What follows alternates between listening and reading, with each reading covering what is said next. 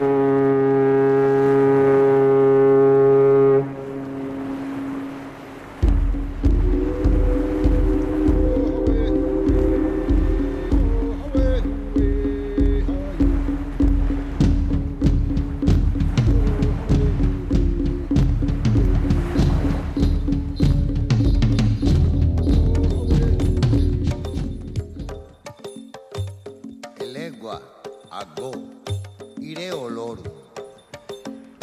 ¿qué tal estáis? Bienvenidos a Levando Anclas.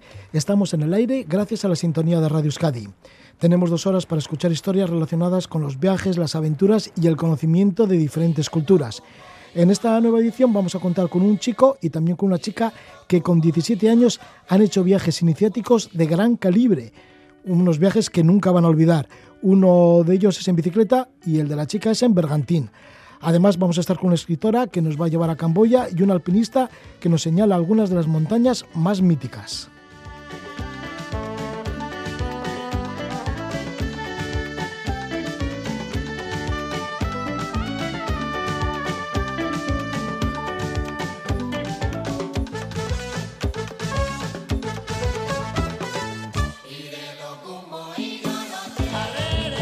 Nuestra primera invitada va a ser Cristina Maruri. Enseguida está con nosotros y ella es la autora de Cuéntame un cuento y llévame a otro lugar. Son siete relatos basados en siete escenarios de lugares tan diferentes como Francia, Etiopía o Filipinas.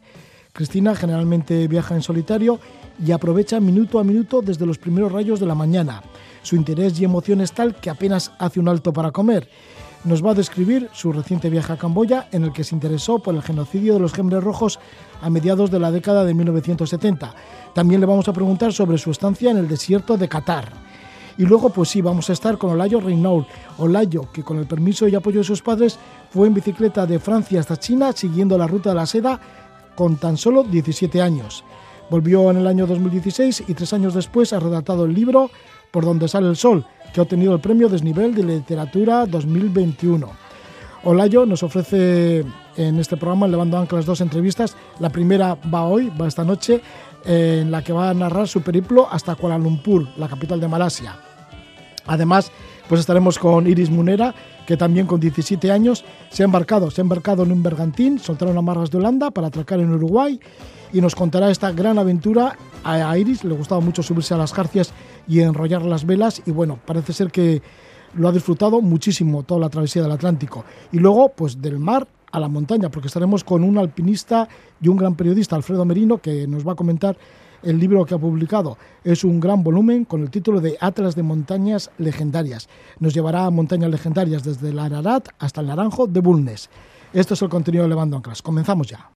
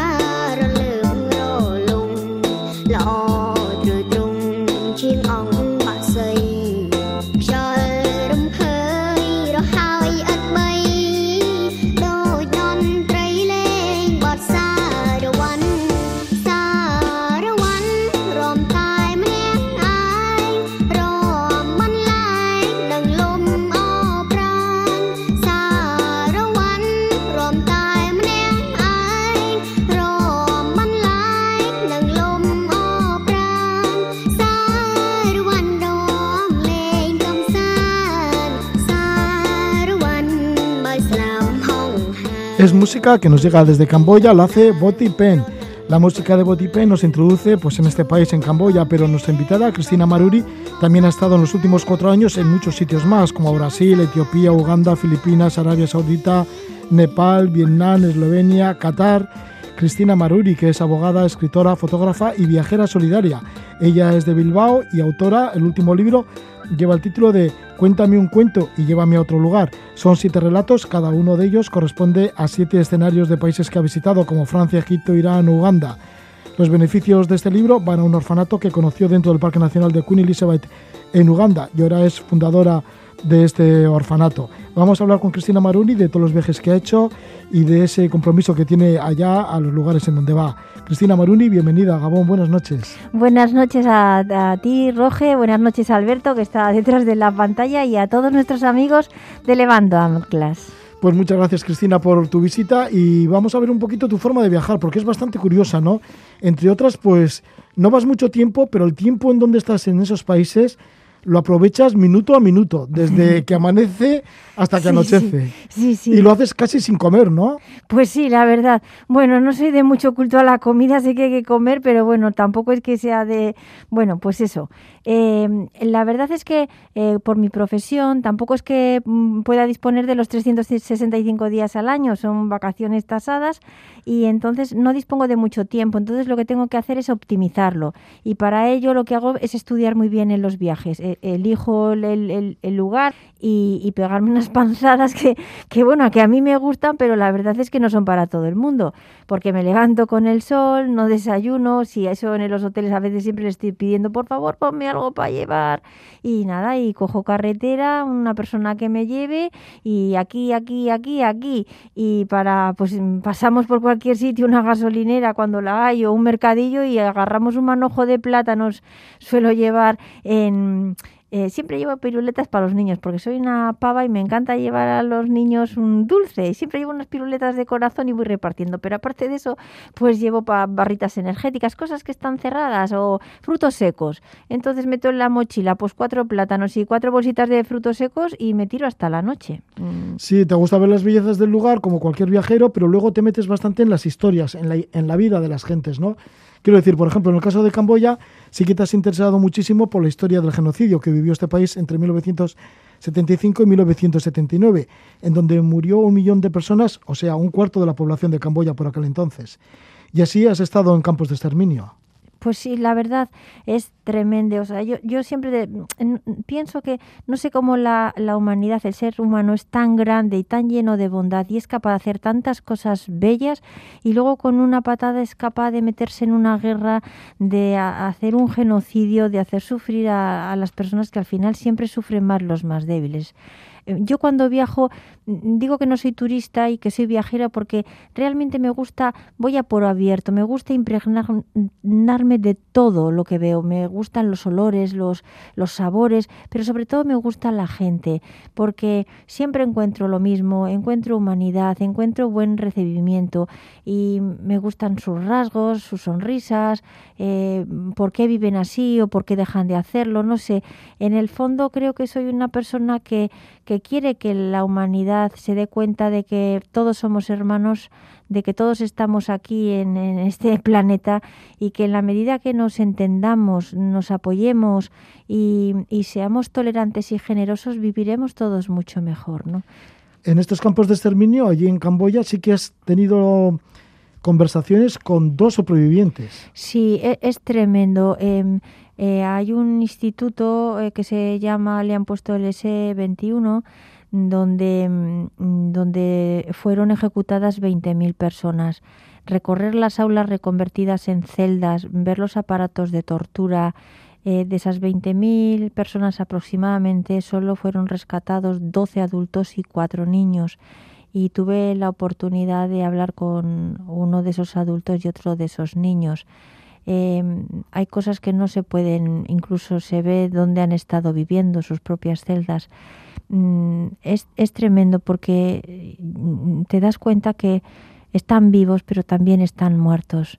Cuando han padecido esos, e, esos torturas y esos sufrimientos y esas vivencias, cuando se han visto privados de, de sus padres, de sus familias, eh, cuando han pasado hambre, cuando eh, al final creo que eso, que, dan gracias a Dios y viven y, tratan de explicar lo sucedido, pero hay partes de ellos que están muertas. ¿Cómo se libraron de una muerte segura?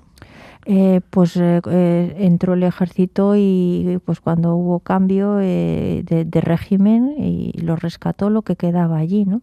Sí, porque bueno, el, el, régimen de Pol Pot, el régimen del ejército de los Khmers que impuso, que se impuso en Camboya en aquel tiempo, eh, por ejemplo, el que no tenía callos en la mano ya estaba encarcelado ¿no? y podía morir. Eso es así. Yo, yo la, la... O que tenía tez blanca. Cierto, cierto. O sea, gente que no trabajaba en el campo. Cierto, cierto. Era sacrificada. Sí, porque eh, entre, la, entre la locura que llevaban era no tener ningún tipo de persona que pudiera hacerle sombra o que ningún intelectual, nadie que pudiera nada mm, eh, para que pudieran dominar a las personas, entonces evitar eh, cualquier conocimiento, cualquier periodista como vosotros, cualquier signo de cultura, de religión, entonces el propio, la persona que me acompañaba mm, para enseñarme los lugares me dijo, mira, yo he perdido nueve personas en la familia y mi madre, que no la perdí, em, me, me, dijo, ella sabía hablar francés, hubo anteriormente un protectorado francés,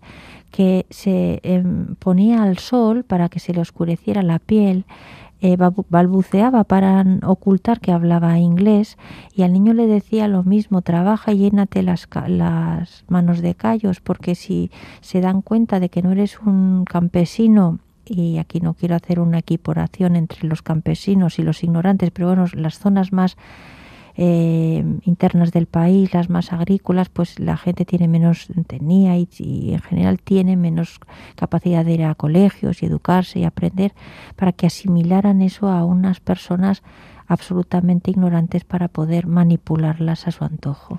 Además de estar con dos supervivientes, también estuviste en un museo de minas antipersona de Akira, que Akira fue un niño soldado que desconoce su verdadero nombre, también su edad, y que, bueno, pues que también estuvo en la época de los Khmer Rojos participando en ese genocidio. Sin embargo, ahora se ha reconvertido y él mismo eh, quita, ¿no? Va a quitar esas minas. Sí, con un equipo.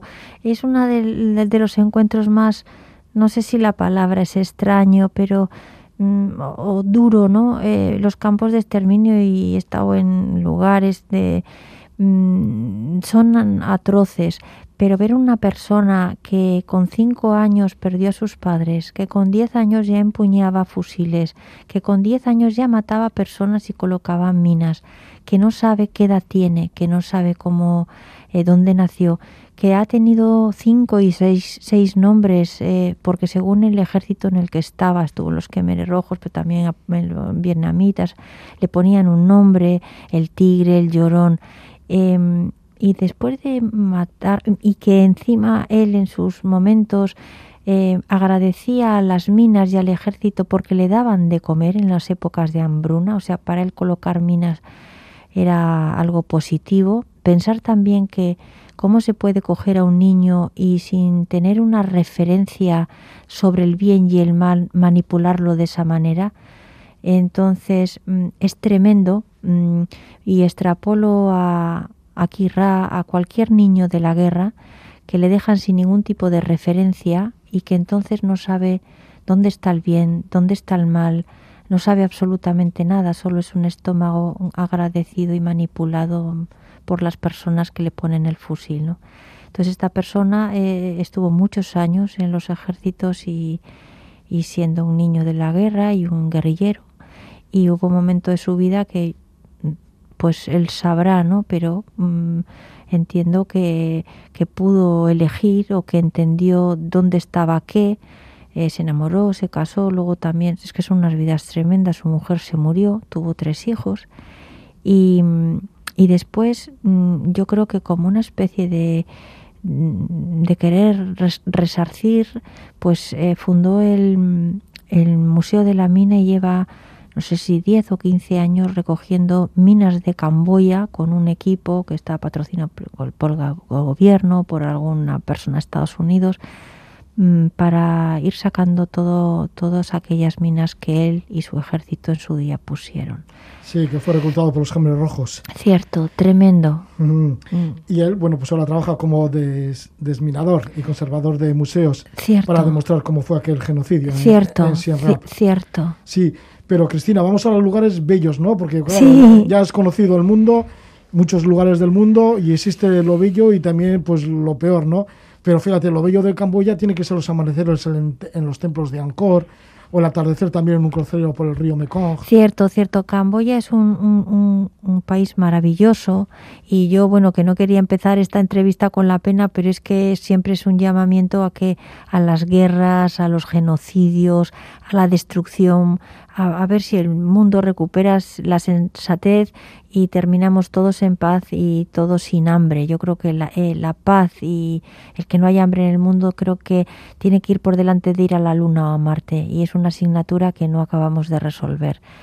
Camboya precioso, Camboya em, es verde, es rojo, tiene unos atardeceres y unos amaneceres en unos cielos limpios que lo incendia todo y eh, ver eh, amanecer en el templo, en el mayor templo, cuando las torres se proyectan en el lago, la sombra que tiene delante, en medio de la foresta, eh, apenas sola, habría una docena de personas, pues son experiencias que a los que somos viajeros y a los que tenemos ese tipo de percepción o de interés por el viaje no, no podemos, nos llena de una manera eh, tremenda y nunca la olvidamos. ¿Cómo ha sido estar entre los templos de Angkor y además ser una privilegiada? Sí, los templos de Angkor que son majestuosos. Sí, yo es de las... ¿Será alguna de las bellezas, de las más grandes bellezas que has conocido? Mm, sí, sí. Yo he estado en lugares, se ponen las pirámides de Egipto, o en Petra, Taj Mahal, eh, Chichen Itza. Mm, hay, muchos lugares bellos, pero en las eh, iglesias enterradas en rocas de la Libela, que eh, no, no, sé si sería el quinto, el séptimo, el noveno o el tercero, pero sí dentro de los diez primeras maravillas mm, que el hombre ha dejado en la tierra. Ya que has nombrado la libela, mira, ya de paso vamos a ir a hablar de tu libro, porque estamos con Cristina Maruri y Cristina Maruri también es escritora y su último libro lleva el título de Cuéntame un cuento y llévame a otro lugar, que son relatos, la mayoría de ellas, bueno, yo creo que todas son mujeres, las protagonistas, y hablas de diferentes escenarios que has conocido, ¿no? Sí, sí. Y de eso te basas y de eso te inspiras. Y hay un relato que habla justamente de la libela, lleva el título de la Club de, de la, libela, sí. sí. mi último libro, el cuarto, eh, son siete, como bien has dicho, Roge, relatos que eh, trato de llevar al, al, lector a siete países que yo he visitado. Es un libro viajero en ese sentido. Además tiene la bueno, pues que César Coca de Territorios del Correo lo ha avalado y lo ha prologado, que tienen, vamos, que se lo agradezco desde aquí, y también Tony Ayala de La Vanguardia. Entonces, bueno, pues es un libro que recoge mucho cariño y, bueno, muchas personas que quiero. Em, es un libro eh, en el que los viajes son reales, pero los personajes son fantásticos, porque el lector puede eh, encontrar sirenas y puede encontrar princesas ese es el vehículo para, mm, no sé, para quizá ponerle poesía al mundo entre tanta prosa, para hacerlo más, no sé, mm, más fantasioso quizá, pero en el fondo, em, cuando sumo los relatos y veo el libro que magistralmente ha editado eh, Mamen Peinador de, Ediciones Escondidas, veo a una mujer que soy yo eh, denunciando em, discriminación, de la mujer en muchos lugares del mundo. Entonces veo mujeres a través de esos cuentos y lo veo yo como si fuera un lector, no la persona que lo escribe, que luchan por, por sus sueños, luchan por elegir su amor, luchan por elegir su oficio, luchan por la, por la libertad. ¿no? en el caso de la libela, la Cruz de la Libela, fue gracias a tu estancia allí en Etiopía. Cierto, cierto, cierto. Estuve, la Cruz de la Libela tiene dos escenarios mágicos que son Gondar, en la que en lo que hay un, castillo que no te lo em, no te lo crees que encontrar en el centro de en el centro de África con una pues una estructura árabe, portuguesa, oriental en el que realmente y ahí sucede la historia en la en la planta primera eh, sales al balcón y ves abajo donde se recoge el agua porque Fíjate, en el siglo XIV o XV ya se recogía el agua por medio de unos canalones que se hacían en la piedra de las paredes. Entonces se hacen una especie de muescas en las paredes y recoge el esto. Y entonces ahí, el día que estuve yo allí, pensé en una princesa mm, esclavizada o sometida de alguna manera que en la parte de abajo ve como un esclavo bebe agua y, la, y, lanza los ojos hacia, hacia arriba y la ve. Y son, digamos que mezclo en, mi cabeza o en mis sentimientos el sitio con, con esa visión de un cuento que nace. Sí, y es una especie de historia de amor o de historia de amor imposible. Sí, eso es, eso es. Sí. Eso es. Esto en, cuanto a la cruz de la libela. Sí. Pero hablando de princesas, también un relato que se titula La princesa que hablaba que habla con, las rosas. sí, y esto se basa cuando estuviste en Kazán. Sí, en Kazán, sí, eh, que, es, una ciudad en el centro de Irán, ¿no? Eso, eso es. Y que trabajaste en una antigua casa de nobles. Eso es, de nobles. Entonces me pasa exactamente lo, lo mismo. Me alojo, estoy ahí en el centro de Persia, después de ver Persépolis, atravieso el país sola. Y entonces bueno pues mm, voy a esa ciudad em, y me alojo en una casa de nobles magnífica que tiene pues un patio con una estanque rectangular y lo lo circunda bueno no circunda porque son es rectangular una rosaleda.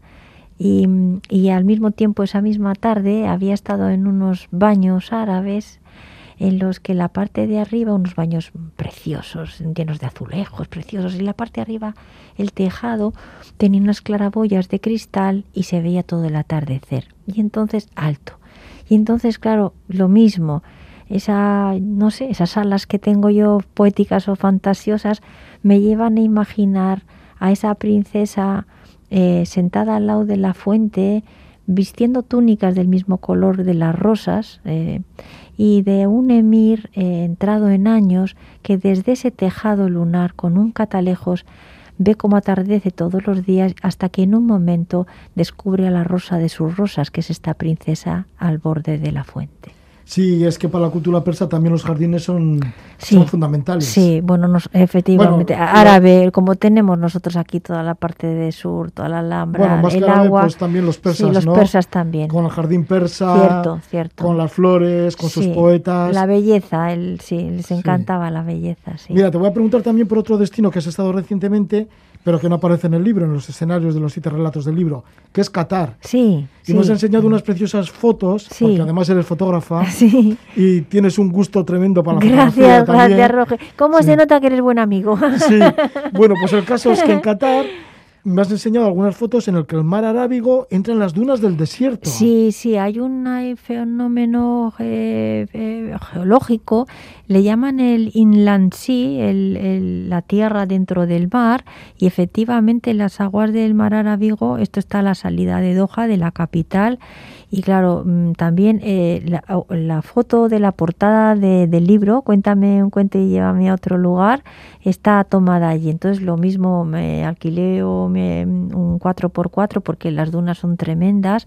Es un desierto además precioso y los colores que emite al atardecer son preciosos porque eh, como es una zona de perlas, la arena del desierto es muy nacarada se distingue de otros desiertos en los que he estado, que es más rojiza, eh, tipo Jordania o así, entonces es, es precioso. Y, sí, porque es tirando arena blanca. Claro, las perlas, todo lo que tiene el nácar, eh, la arena que hace a la erosión de perlas y de conchas nacaradas, Ah, da ese color al desierto que es espectacular. O sea que totalmente mágico entre el atardecer rojo del sol que se va metiendo, la arena blanca de el agua, el agua, el agua que no tiene eh, no tiene olas como nuestro Cantábrico maravilloso, pero con mucho carácter, es dulce, es tremendamente dulce y mágico.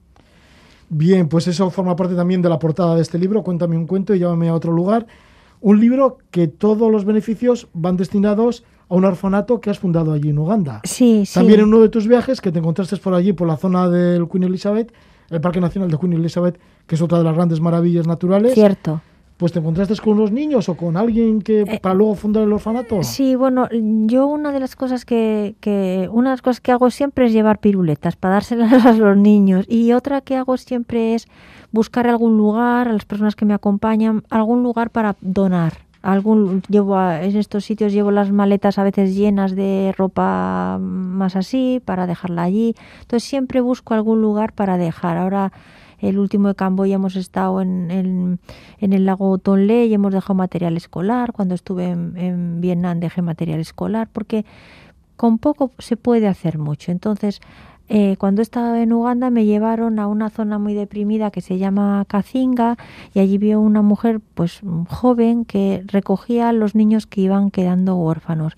Si aquí en el primer mundo cualquier crisis, cualquier guerra, cualquier subida de las energías o, quedarnos en el paro supone un problema, allí mm, cualquier falta de turismo o cualquier es que no tienen nada, se levantan por la mañana tratando de llegar al día siguiente, de comer algo para llegar al día siguiente. Entonces me encontré con esta mujer que se llama Samia, vi cómo recogía a los niños sin medios, sin conocimientos. Y dije, bueno, yo aquí tengo que hacer algo y me vine para España pensando que podía hacer. Y empecé pues dando el coñazo a mis amigos con perdón ay, pues hay que hacer una página web para que tenga visión en el mundo, hay que diseñar unas camisetas para hacer un logo, eh, tienen ya camisetas, tienen ya página web Lights of Kazinga en WordPress, hay que bebían hacinados en unas condiciones infrahumanas, pues hay que hacer una pequeña casita para separar a los niños de las niñas, la, la estamos inaugurando ya. Ah, mm, bueno, mm, hay que comprar pollitos para que tengan carne y vale, necesitamos una máquina de coser y entonces bueno pues con esa cabeza del primer mundo y de bueno pues de darle muchas vueltas y gracias a los amigos y a la gente tan generosa pues lo que era una mujer recogiendo niños para que no se murieran en, en los arcenes de la carretera eh, es una imagen pues a lo mejor muy poética pero es que es real pues ahora ya es una organización que asiste a, a cerca de 50 niños Sí, ella es Samia y Samia también aparece, es una de las protagonistas de este libro de relatos, siete relatos, siete escenarios distintos del mundo. Los ha vivido directamente nuestra invitada Cristina Maruri y ahí está su libro, Cuéntame un cuento y llévame a otro lugar. Bueno, pues gracias por llevarnos a Uganda, por llevarnos a Camboya o hablarnos también un poquito de Etiopía, de la Libela y otros lugares. Gracias por estar con nosotros aquí en Levando Anclas, Cristina Maruri. Gracias a todos vosotros y os invito a que viajéis conmigo a través de las páginas de este libro solidario de ediciones escondidas que se llama Cuéntame un cuento y llévame a otro lugar.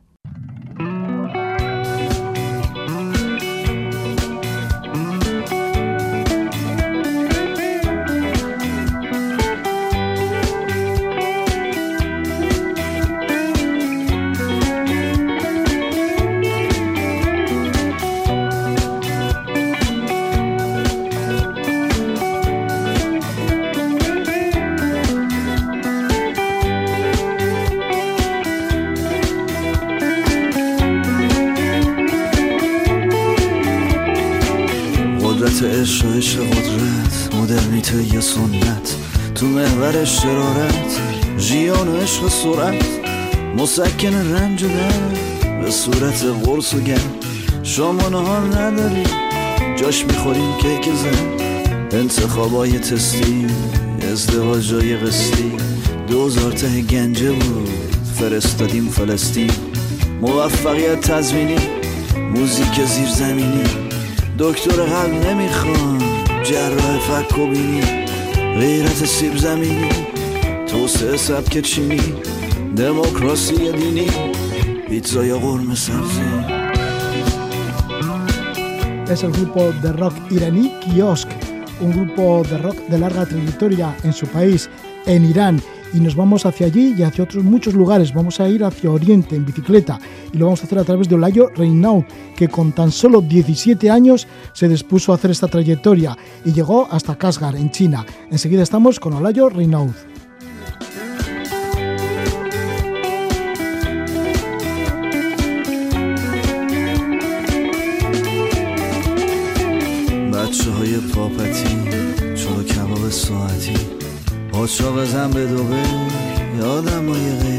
Olayo Reinaud, en julio de 2015, tras aprobar la selectividad y terminar el bachillerato, adoptó su bicicleta, a la que llamó Pegaso, para hacer un gran viaje con dirección hacia China. Tenía tan solo 17 años. Partió desde Gap, Francia, el 31 de julio de 2015 y 11 meses después llegó a Kashgar, ciudad oasis en la región autónoma de Uigur, en el Xinjiang de la República Popular China.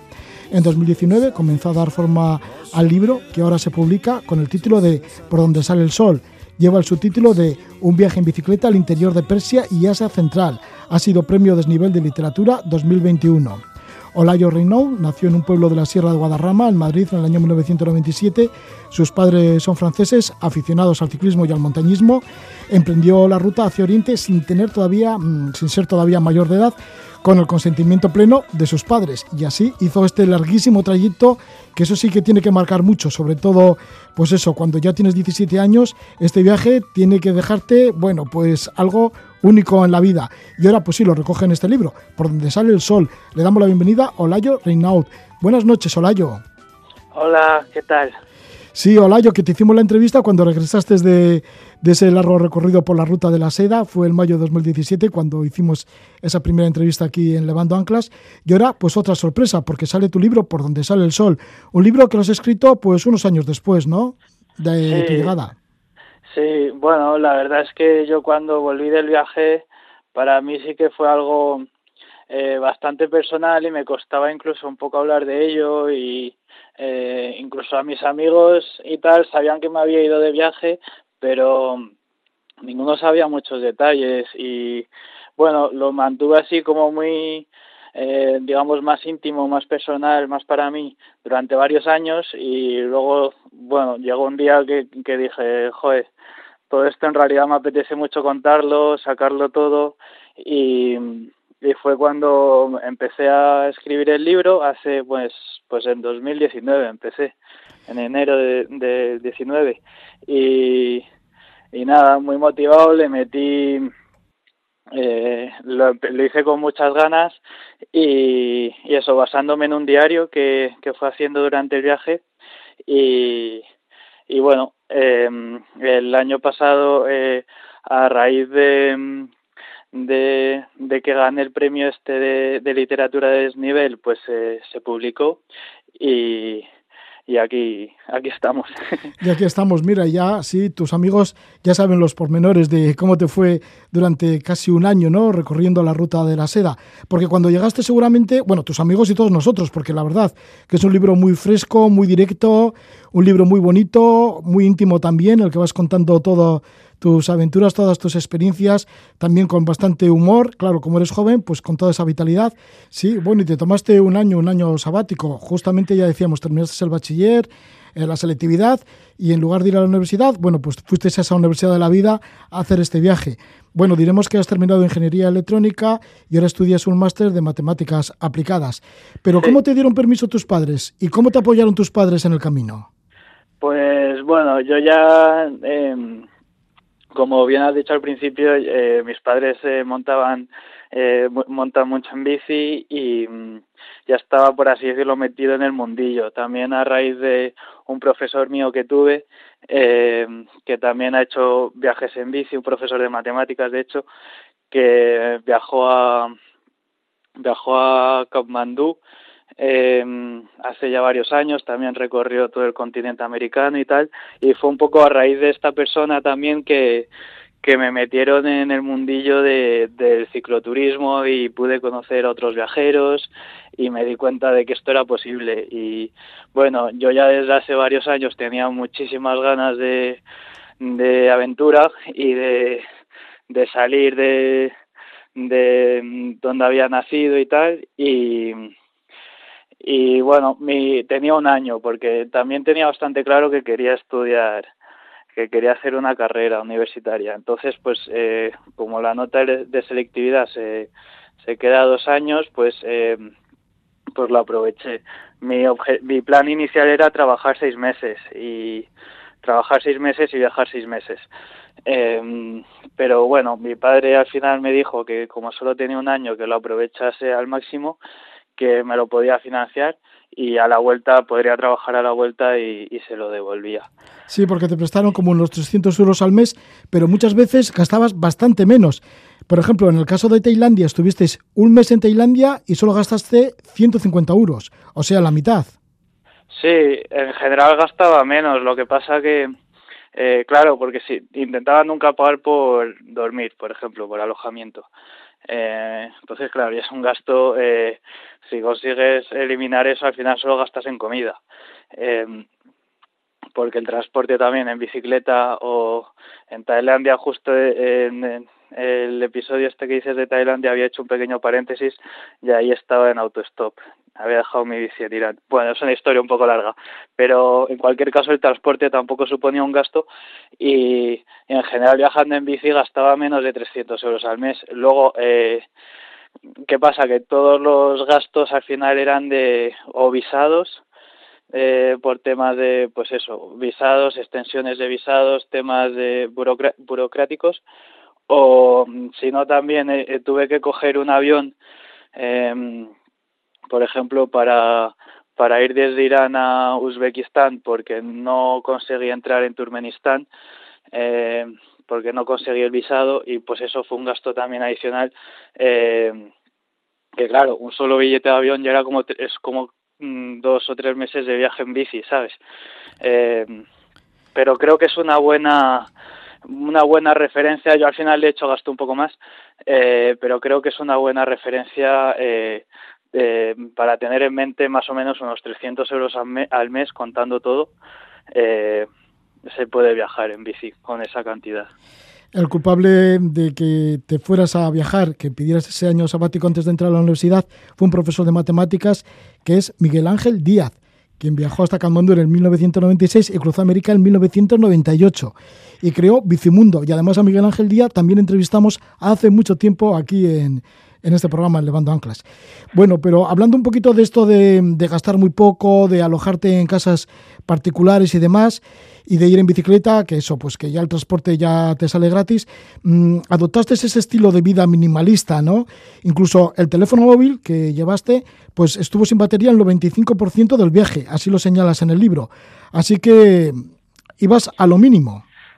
Sí, eso, bueno, a lo mejor no es lo que se debería hacer por si se tiene alguna emergencia lo que sea pero es verdad que es lo que hice yo no tenía tenía una como una tablet que lo usaba en medio ordenador porque sí que es útil pues eh, para contactar a mi familia por ejemplo o si no para a veces tenía que rellenar formularios o lo que sea por de nuevo cosas de visados entonces sí que tenía una tablet que estaba casi siempre apagada y simplemente si, si lo necesitaba tenía que buscar conexión a internet por wifi y, y lo utilizaba. Pero es verdad que el teléfono móvil, que en principio lo, en principio em, la idea era tenerlo siempre eh, por si tiene una emergencia o lo que sea, mm, lo fui olvidando, me, casi me estorbaba y se quedó al cabo de pocas semanas eh, eh, se quedó al fondo de la, de la alforja ahí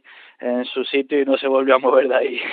Sí, hola yo, y dices que en esta forma de vida minimalista buscabas tener poco y querer poco. Y fíjate, sí que dices que eh, cuando volviste te preguntaban, ¿y cómo te ha ido? ¿Te ha ido mal o qué? ¿Has vivido momentos difíciles? Y resulta pues que ya la primera noche ya te había rendido, ¿no? La primera noche de salida. Sí, es que fue muy Claro, realmente eh, la ruta de la seda en bici se ha hecho, eh, seguro que hay eh, bastantes cicloturistas haciéndolo ahora mismo. Es algo, no voy a decir que es común, pero pero que no era el primero. Pero eh, lo que pasa que sí que yo creo que era el primero en hacer un viaje tan largo, eh, tan joven, ¿no? Y y sí que tenía muchísimas inseguridades de, al principio que no me sentía ni suficientemente maduro ni espabilado me estaba me sentía muy perdido al principio. Y entre eso y que mm, eh, no sé, como mm, se hizo todo mucha bola, también comentarios que escuchaba por ahí de este tío está loco, se va a morir el segundo día, o que al final me desmotivaron mucho, ¿no? Que la gente tampoco lo hacía con mala intención, pero o amigos que me decían, "Yo me voy a despedir como si no te volviese como si no te fuese a volver a ver." Así hizo todo como mucha bola y y el primer día dije, me viene me viene bastante abajo. Y bueno, una vez más fue gracias al apoyo de mis padres que me dijeron, joder, después de todo, todo lo que has planeado, la ilusión que tenías, eh, como que me comprendieron mucho, entendieron que me viniese abajo, pero me dijeron que no como lo evitaron, ¿no? Y me dijeron, pues, eh, aunque sea, ya que estás, eh, pedalea un par de semanas, que estás en Europa va a ser muy fácil y además, eh, si quieres volver, pues es muy fácil volver. Y, y ya vas viendo, pero no, no lo dejes así el primer día. Y, y pues nada, continué. Al tercer día ya estaba, ya había vuelto toda la ilusión y, y continué, pues eso, fueron pasando los meses y los países y, y todo y al final el viaje duró 11 meses. Sí, y fíjate, fuiste venciendo la soledad porque ya el segundo día hablaba solo, pero bueno, luego con el tiempo ya encontraste un buen compañero de viaje que fue Romain, que es de Isla Reunión y que te acompañó, él también viajaba, quería dar la vuelta al mundo en bicicleta y te acompañó hasta Teherán, desde Albania, le conociste en Albania y ahí fuisteis hasta Teherán juntos. Y fue un buen compañero, ¿verdad? Porque sí que marcabais bien el ritmo.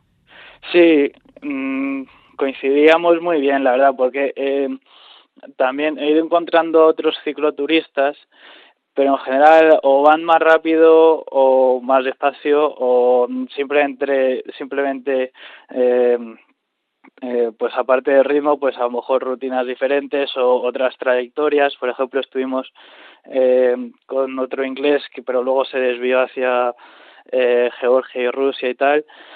Entonces, pues sí, realmente encontrar a alguien que quiera ir, que tenga el mismo ritmo que tú y además vaya en la misma dirección, pues mm, es es raro, ¿no? Y, y coincidimos muy bien. Yo, por ejemplo, iba un poco más rápido en la bici, pero luego él era ordenadísimo. Entonces, pues, eh, por la mañana recogía el campamento en cinco minutos y iba tirando. Y yo, pues, me quedaba con mi desorden, eh, metiéndolo todo en las alforjas, que tardaba media hora o una hora, y, y ya lo alcanzaba a lo largo del día. Y teníamos así como nuestras rutinitas, para cenar y para todo y, coincidimos muy bien.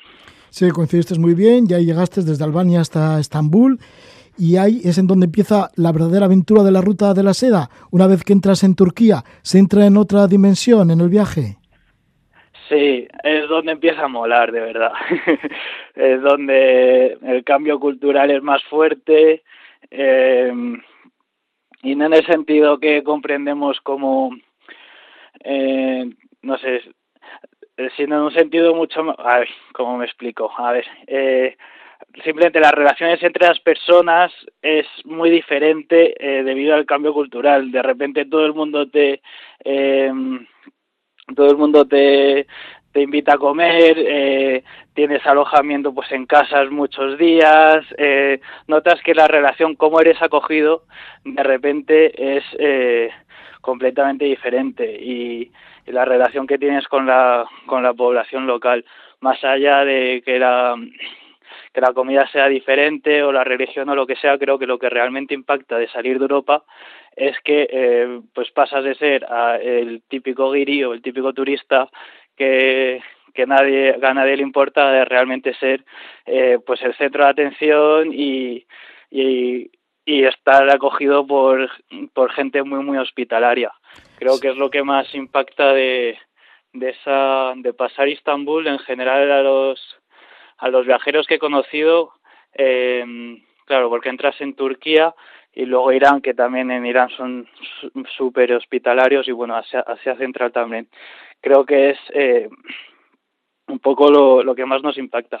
Luego también las distancias se hacen mucho más largas, entonces ya no es Claro, en Europa todo es muy fácil. Tienes pueblos y ciudades eh, a distancias asequibles siempre en, menos de un día y, tienes como mucha más seguridad en general, ¿no? Eh, sin embargo, pues eso, se vuelve también el viaje un poco más complicado, pero claro, mucho más excitante. En, ese sentido también, pues a lo mejor el clima también se dificulta. No sé, en general, en, general creo que es a partir de el hecho de salir de Europa es cuando realmente empieza un poco más la aventura, pero la, la parte más excitante. Sí, porque como dices, erais bastante protagonistas, erais toda una noticia ayer por dónde ibais y entonces pues todo el mundo en Turquía por lo menos os invitaba a tomar un té y bueno, pues estabais tomándote continuamente, claro, y a partir de ahí pues sí que no pagabais por el alojamiento. Sin embargo, cuando te alojabas en los sitios, solías acompañar en las tareas de casa, o cocinabas, o cuidabas la propia casa, mientras el que estaba, el anfitrión, pues estaba trabajando en otro lugar, ¿no? O sea que siempre había una, una compensación. Hubo, como casos muy específicos. Generalmente, eh, generalmente eh, era simplemente llegar a... Nunca, nunca he ido a una casa a pedir alojamiento. Siempre era gente que me encontraba y que se interesaba por mí y que me quería pues eh, invitar eh, hospedarme o lo que sea. Eh, generalmente solo estaba una noche eh, o simplemente cenar o tal. Eh, algunos casos específicos cuando tenía que estar mucho tiempo, por ejemplo en, en Teherán, que, que estuve bastante tiempo por, eh, pues bueno, estuve atascado en Teherán eh, varios días, luego también otra ciudad iraní, en, en Trebisonda, en Turquía también. Bueno, en esos casos que a lo mejor estaba 10 días, eh, intentaba alojarme a través de foros de, cicloturismo o de o couchsurfing, que es más de viajeros de, en general, o Warm Showers, que es como más de ciclistas. Y, sí que en ese caso, cuando estaba más días, sí que intentaba pues eh, participar en pues eso en tareas del hogar por ejemplo eh, como un poco a cambio de, de de lo que recibía, ¿no? De que me estuviesen acogiendo. Comentas en el libro que aquellos días por Turquía, una vez ya muy metido en la naturaleza, ¿no? Pues estuviste por la península de Anatolia, por las montañas de Anatolia, seguiste la costa del Mar Negro hacia Travisonda, también por la zona más del desierto hasta llegar a Irán, pues dices en el libro que todos aquellos días los recuerdas como unos días muy felices, ¿no? Quizá porque descubrías la Vía Láctea ahí a las noches, esos paisajes maravillosos, o escuchabas los oídos de los lobos. Mm, también llegó el frío cuando llegaste a Travisonda. O sea que, ¿por qué recuerdas tan, tanta belleza y tan, con, tanta, con tanta felicidad aquellos días? No sé, fue un poco eh, cómo concebía yo, fue yo creo que la parte que más asemejaba a la idea que tenía yo eh, inicialmente de cómo sería un viaje en bici, ¿no? Eh, teníamos, sí que no fue nada fácil, teníamos nuestras aventurillas, eh, pero aún así el paisaje era espectacular y, y eso, un poco lo que decía antes, ¿no? Que ya no estaba en Europa eh, donde sentía siempre como ese casi rechazo eh, y ya estaba en Turquía donde pues la gente era encantadora, el paisaje era eh, espectacular y sí teníamos nuestras, iba con, con Goma, este chico francés y, y bueno, eso, te estaba también con él, eh, que al final se hizo todo muy ameno, a pesar de, pues pasamos bastante frío, por ejemplo, y a pesar de tener nuestras aventurillas, iba también con este chico que,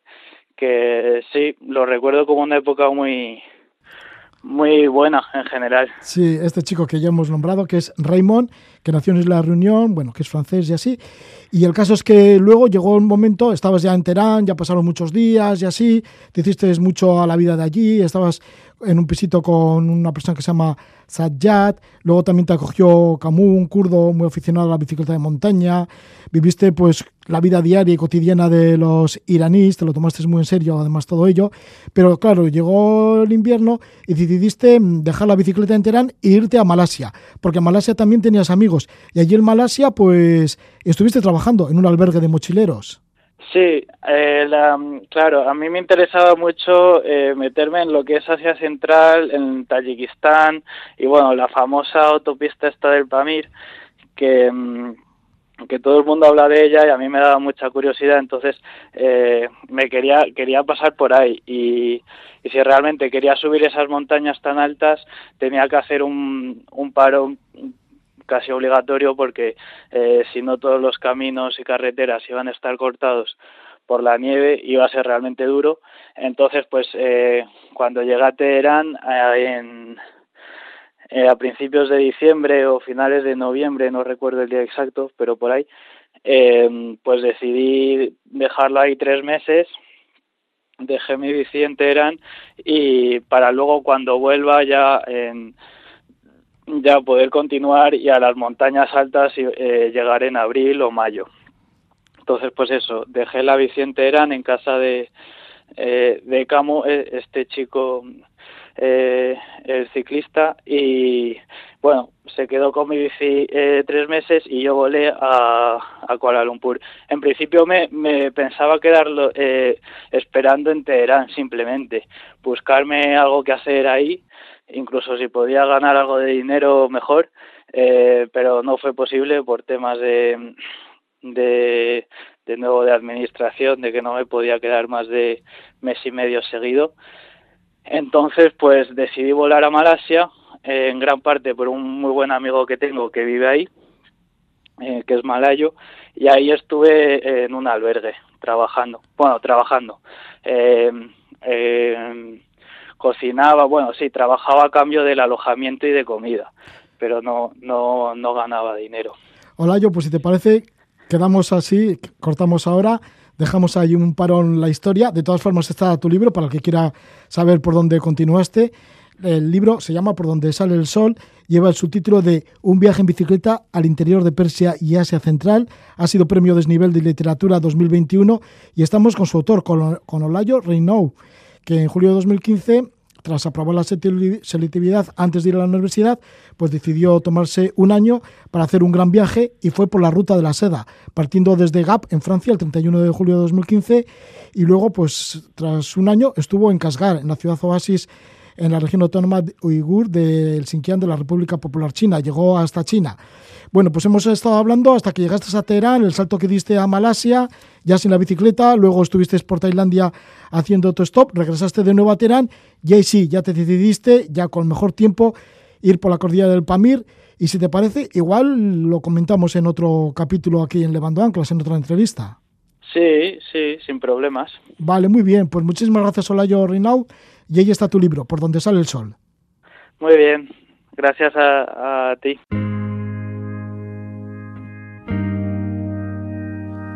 En un próximo programa de Levando Anclas continuaremos con las aventuras de Olayo. Con 17 años siguió la ruta de la seda en bicicleta. Dentro de un rato estaremos con Iris Munera. También con 17 años ha vivido una gran experiencia. Ha cruzado el Atlántico en Bergantín. Además, escucharemos también a Alfredo Merino, que nos acerca a algunas de las montañas más legendarias del planeta. De momento nos vamos a quedar con la música del grupo de Glasgow, Escocia, Belle and Sebastián. Hasta dentro de un rato.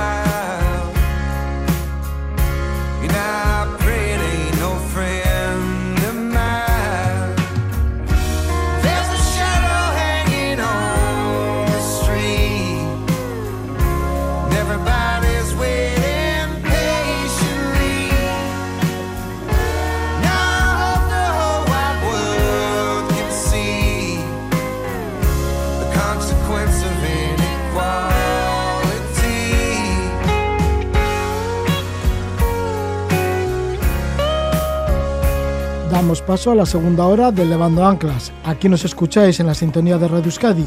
Esta es la música de National Reserve y con ella pues os anuncio que enseguida vamos a embarcarnos en el Bergantín Europa. Lo hacemos de la mano de Iris Munera, una muchacha que con 17 años se ha subido a las garcias mientras cruzaba el Atlántico de Holanda a Uruguay. Nos lo cuenta enseguida. Además estaremos con el periodista y alpinista Alfredo Merino. Repasa algunas de las cimas más icónicas de los seis continentes. Pero ahora nos vamos a navegar, nos vamos con el Bergantín Europa.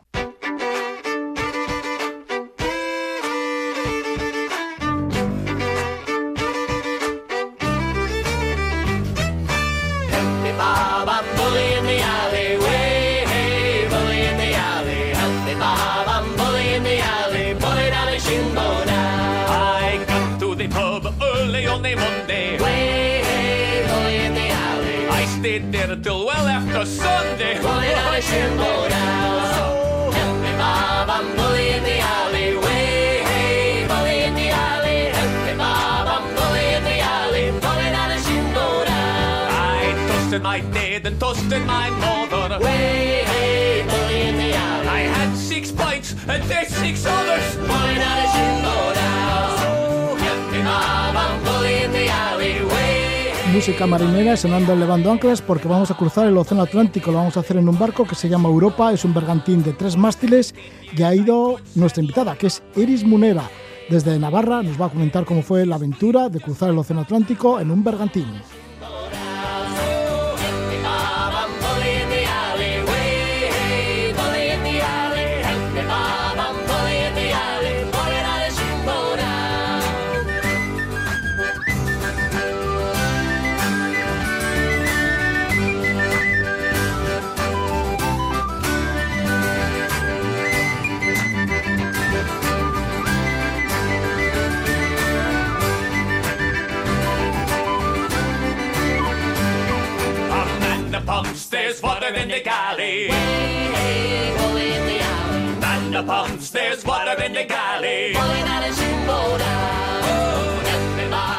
Eris Monera, con 17 años, ha cruzado el Océano Atlántico en el Europa, un bergantín de tres palos.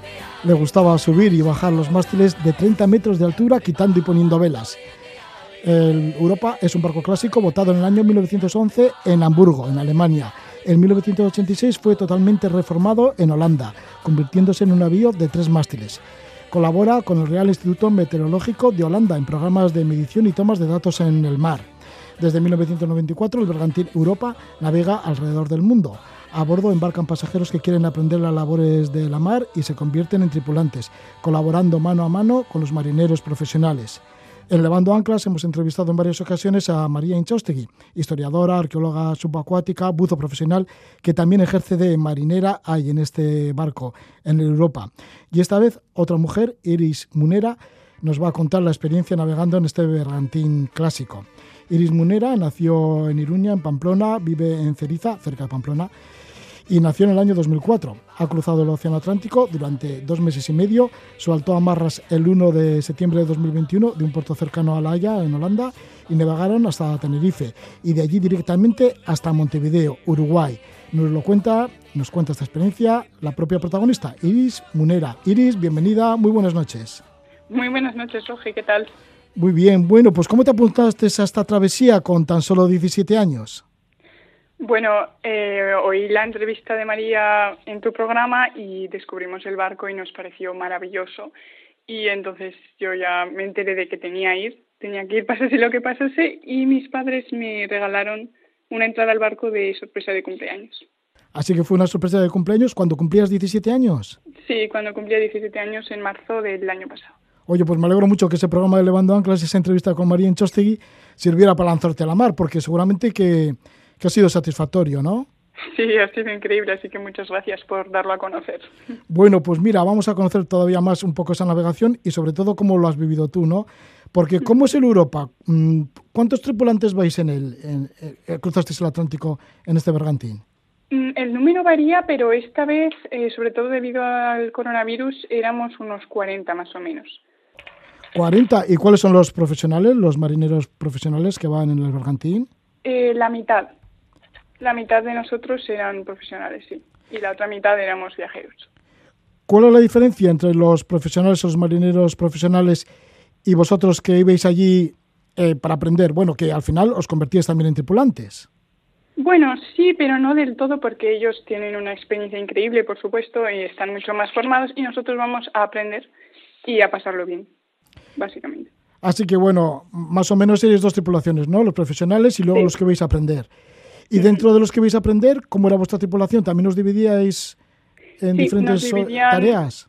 Sí, nos dividían primero en tres grupos con los colores de la bandera holandesa y esos grupos se rotaban en guardias de cuatro o dos horas y nos encargábamos del timón y de hacer de vigías y también de lo que hiciera falta con las velas, arriarlas o izarlas o enrollarlas, lo que sea los tres colores de la bandera holandesa, ¿no? El rojo, el blanco y el azul.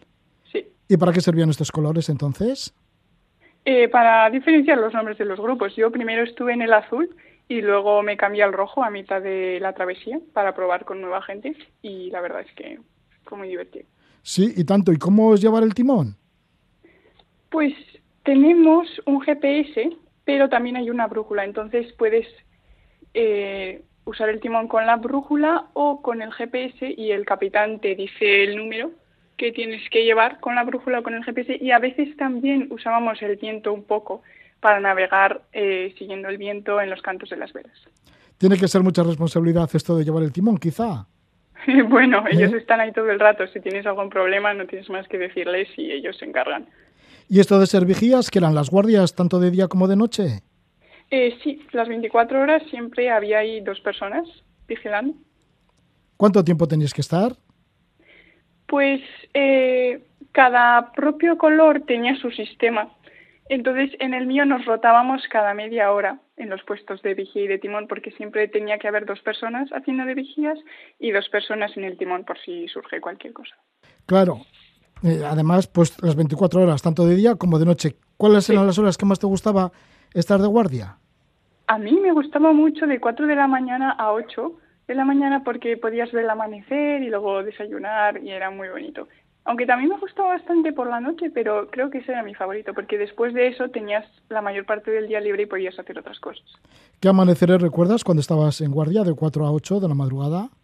Pues tuvimos uno precioso con miles de colores y fue maravilloso ese sí. Aunque a veces solía estar nublado y tal, pero la mayoría eran muy bonitos.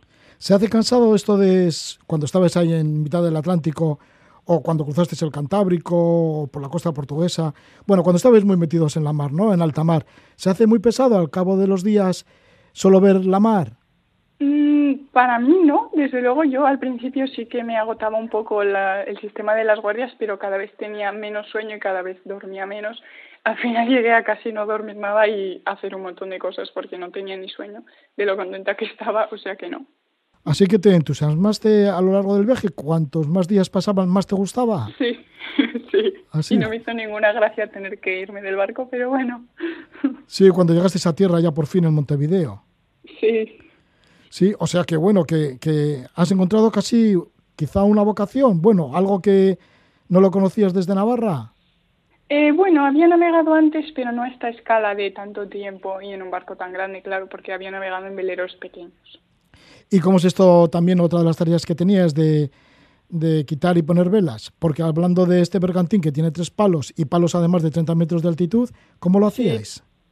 Eh, pues depende, o sea, algunas veces la tripulación, la mayoría de las veces la tripulación eh, decía qué vela íbamos a izar o a arriar y cómo lo íbamos a hacer, te decían a qué cabos tenías que ir, aunque a mi, hacia mitad del viaje ya por fin nos los aprendimos de memoria todos porque hay como unos 300 o así, su total. Y entonces pues nos decían lo que teníamos que hacer y las quitábamos o las poníamos. Alguna vez incluso yo me encargué de decir a un grupo de personas cómo hacerlo, pero era como ensayos, no algo así. Sí, pero parece ser que te gustaba bastante subir, ¿no? Por el palo. A, sí, me encantaba subir a las jarcias, a enrollar las velas una vez arriadas, porque claro, no pueden estar ahí sueltas, dando golpes con el viento se pueden rasgar. ¿Y cómo fue la primera vez? Mm, la primera vez que subí, eh, primero nos enseñaron cómo subir eh, con seguridad, claro, vas con un arnés, te aseguras con un mosquetón y todo. Y la primera vez fue solo subir, mirar y luego bajar. Pero la segunda vez ya fue a enrollar la segunda vela más alta, porque la más alta no la podemos enrollar los viajeros, es solo para la tripulación. Pero bueno, sí, la segunda.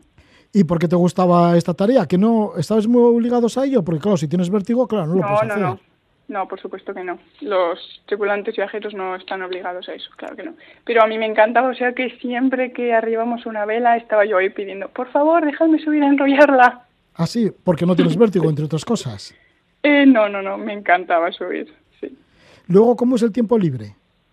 ¿Porque teníais Pues, eh, tiempo libre o siempre había tareas? Eh, no, no, no. Aparte de las guardias, todo el resto del tiempo es libre, aunque puede que te pidan ayuda para izar una vela, por ejemplo, pero es para hacer lo que tú quieras. Puedes leer, puedes dormir, puedes estar con los amigos del barco o puedes también aprender a hacer cosas porque tenían clases más o menos todos los días y puedes ayudar con el mantenimiento, claro. La biblioteca que tiene el barco, porque supongo que tendrá una biblioteca, es amplia. Tienen, sí, tienen muchísimos libros en todas partes. Hay libros en la cocina, en la biblioteca, en el salón, en el otro salón comedor, por todas partes. ¿Y leíste mucho?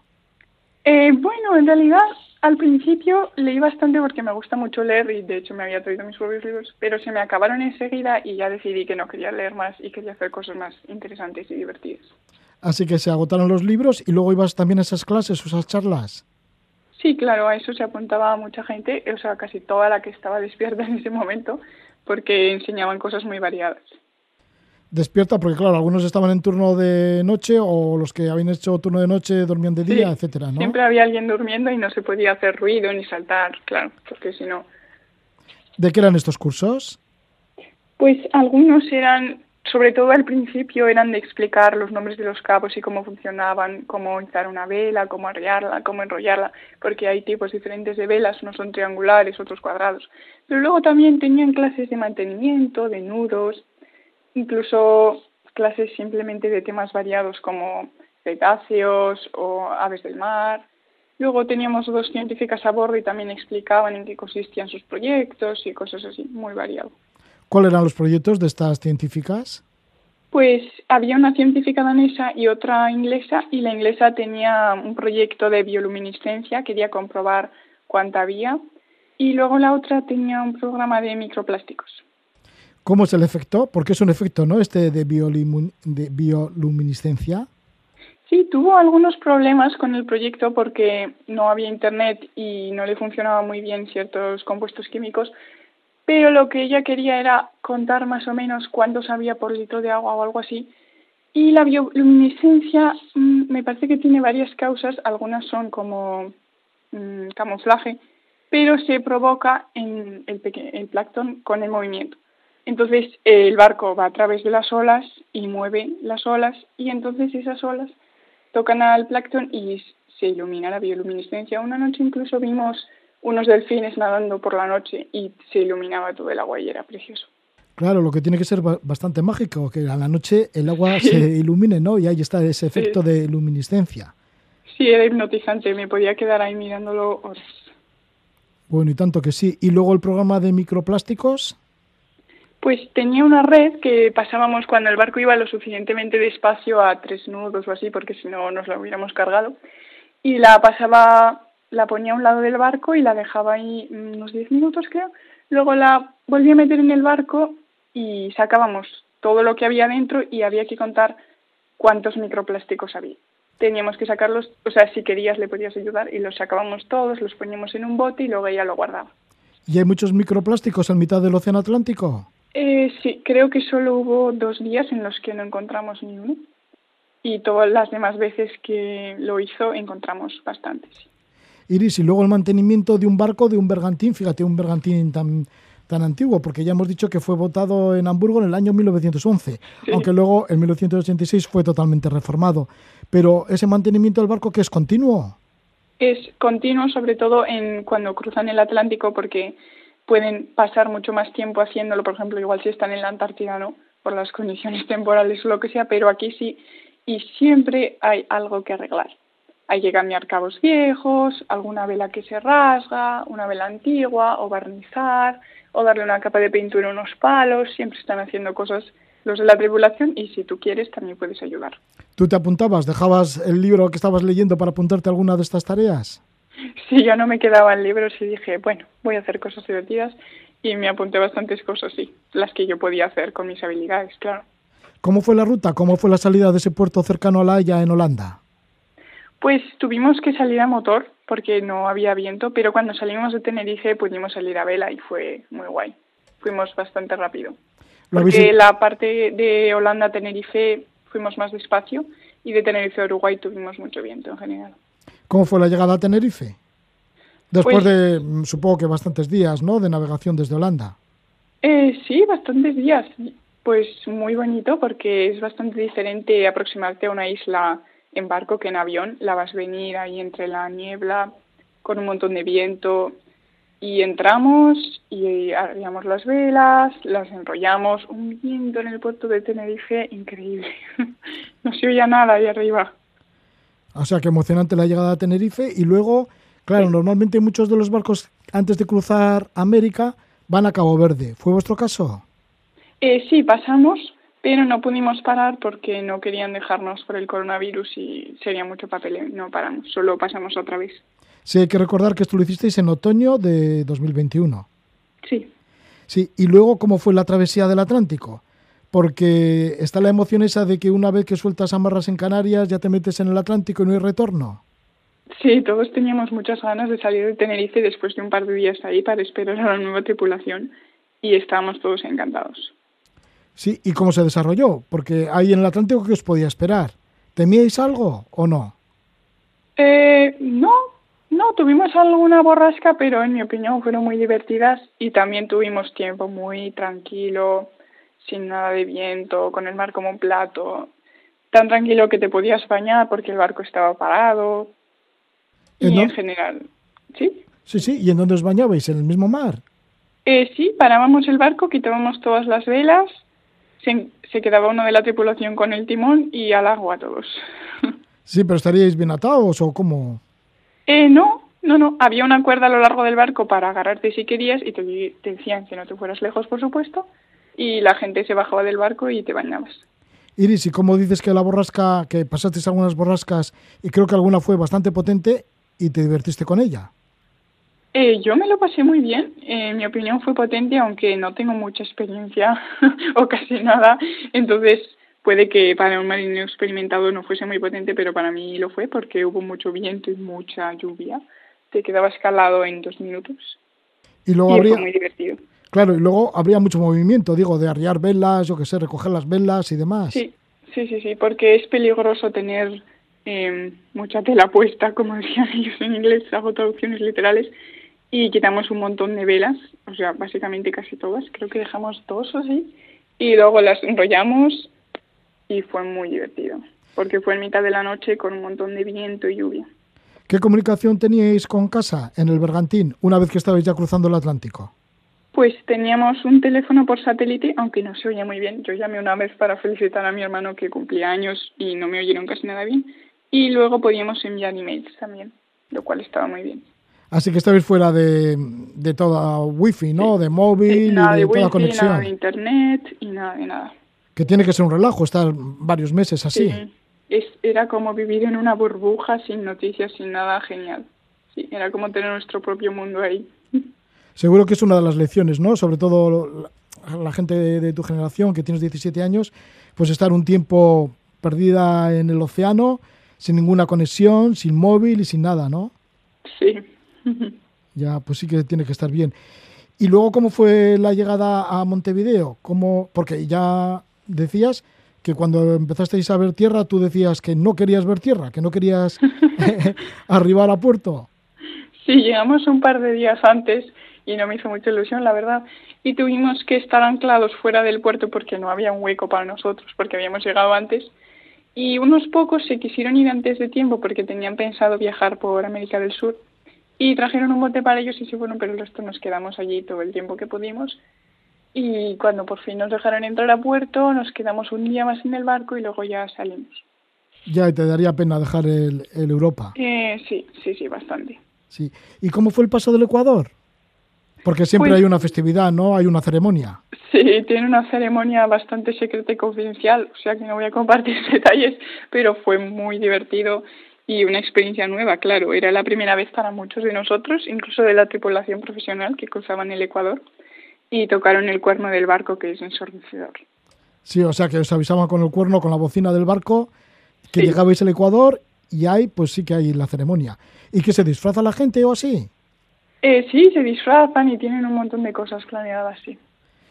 En definitiva, Iris, una vez que has hecho esta travesía, que os ha llevado como dos meses y medio así. Sí, más o menos dos meses y medio, sí. Sí, ¿cuál es la sensación con la que vuelves a Navarra? Pues que quiero volver al barco lo más pronto posible. y también quería ver a mi familia, claro, pero yo estaba encantada con el barco. ¿Qué es lo que más te gusta del barco y del mar? Mm, me gustaba mucho eh, lo físico, o sea, poner las velas, enrollarlas, todo eso, pero también me gustaba mucho la sensación de tener nuestra propia burbuja ahí en el medio de la nada, porque era como estar en otro mundo completamente diferente. Y también, por supuesto, me encantó conocer a mucha gente de otros países, porque teníamos un total de 15 nacionalidades diferentes, y eso fue muy enriquecedor. ¿Alguna compañera, por eso he puesto la música de School Duggers, así con el violín y cantando canciones marinas? ¿Alguna de las que participaban también en la travesía tocaba el violín y otros instrumentos? Sí, teníamos una músico que tocaba un montón de cosas y luego también algunos cantaban y otros tocaban la guitarra. ¿Cómo ha sido la fauna? La fauna que habéis podido enco- encontrar en esta travesía por el Atlántico. Sí, vimos muchos cetáceos, sobre todo muchísimos delfines, grupos de 100 individuos y también vimos ballenas, aunque no se acercaban tanto porque los delfines ya que se ponían, se ponían a jugar con las olas que hacía la proa del barco directamente, o sea, estaban como a 3 metros de tip de altura y las ballenas no se acercaban tanto y se veían de lejos, o sea que no tanto. También vimos alguna orca y me parece que cuando yo estaba dormida vieron un tiburón y un pingüino. ¿Cómo es la comodidad? ¿Había comodidad en el barco? Digo, a las noches, en el camarote y así, ¿lo compartíais? En el camarote sobre todo se dormía, porque la gente del camarote no tienen todos por qué estar en la misma guardia, entonces puede que siempre haya alguien durmiendo y hay que estar muy en silencio, pero en las zonas comunes sí, desde luego. Hice bastantes amigos. Hiciste bastantes amigos, tienes un buenísimo Sí. recuerdo, quieres volver a navegar, o sea que todo perfecto. Pues muchas gracias por contarnos, Iris Munera, esta experiencia que cuando cumpliste 17 años, tus padres pues te regalaron este, este viaje, te apuntaron a este viaje, que bueno, que ha sido una maravilla, en este bergantín, en Europa, un bergantín de tres palos. Y además, fíjate que te gustaba un montón estar allí en las jarcias, en los mástiles a, tres- a 30 metros de altura. Bueno, hasta, hasta tanto no llegarías, ¿no? Eh, bueno, arriba del todo no, porque como ya he dicho, la última vela solo es para la tripulación profesional, pero una vez subí hasta lo más arriba que se puede subir de la escalera para pintar unas cosas, o sea que sí, básicamente sí. ¿Y cómo se está allí, ahí arriba viendo todo el mar y, y, no, y sintiendo el- el- el- tanto el salitre como el viento? Sí, sí, es muy bonito y se siente el viento y el cielo por todas partes. Pues muchísimas gracias por contarnos la experiencia, Iris Munera, y que vaya bien y que vuelvas a navegar. Muy bien, gracias a ti por el tiempo.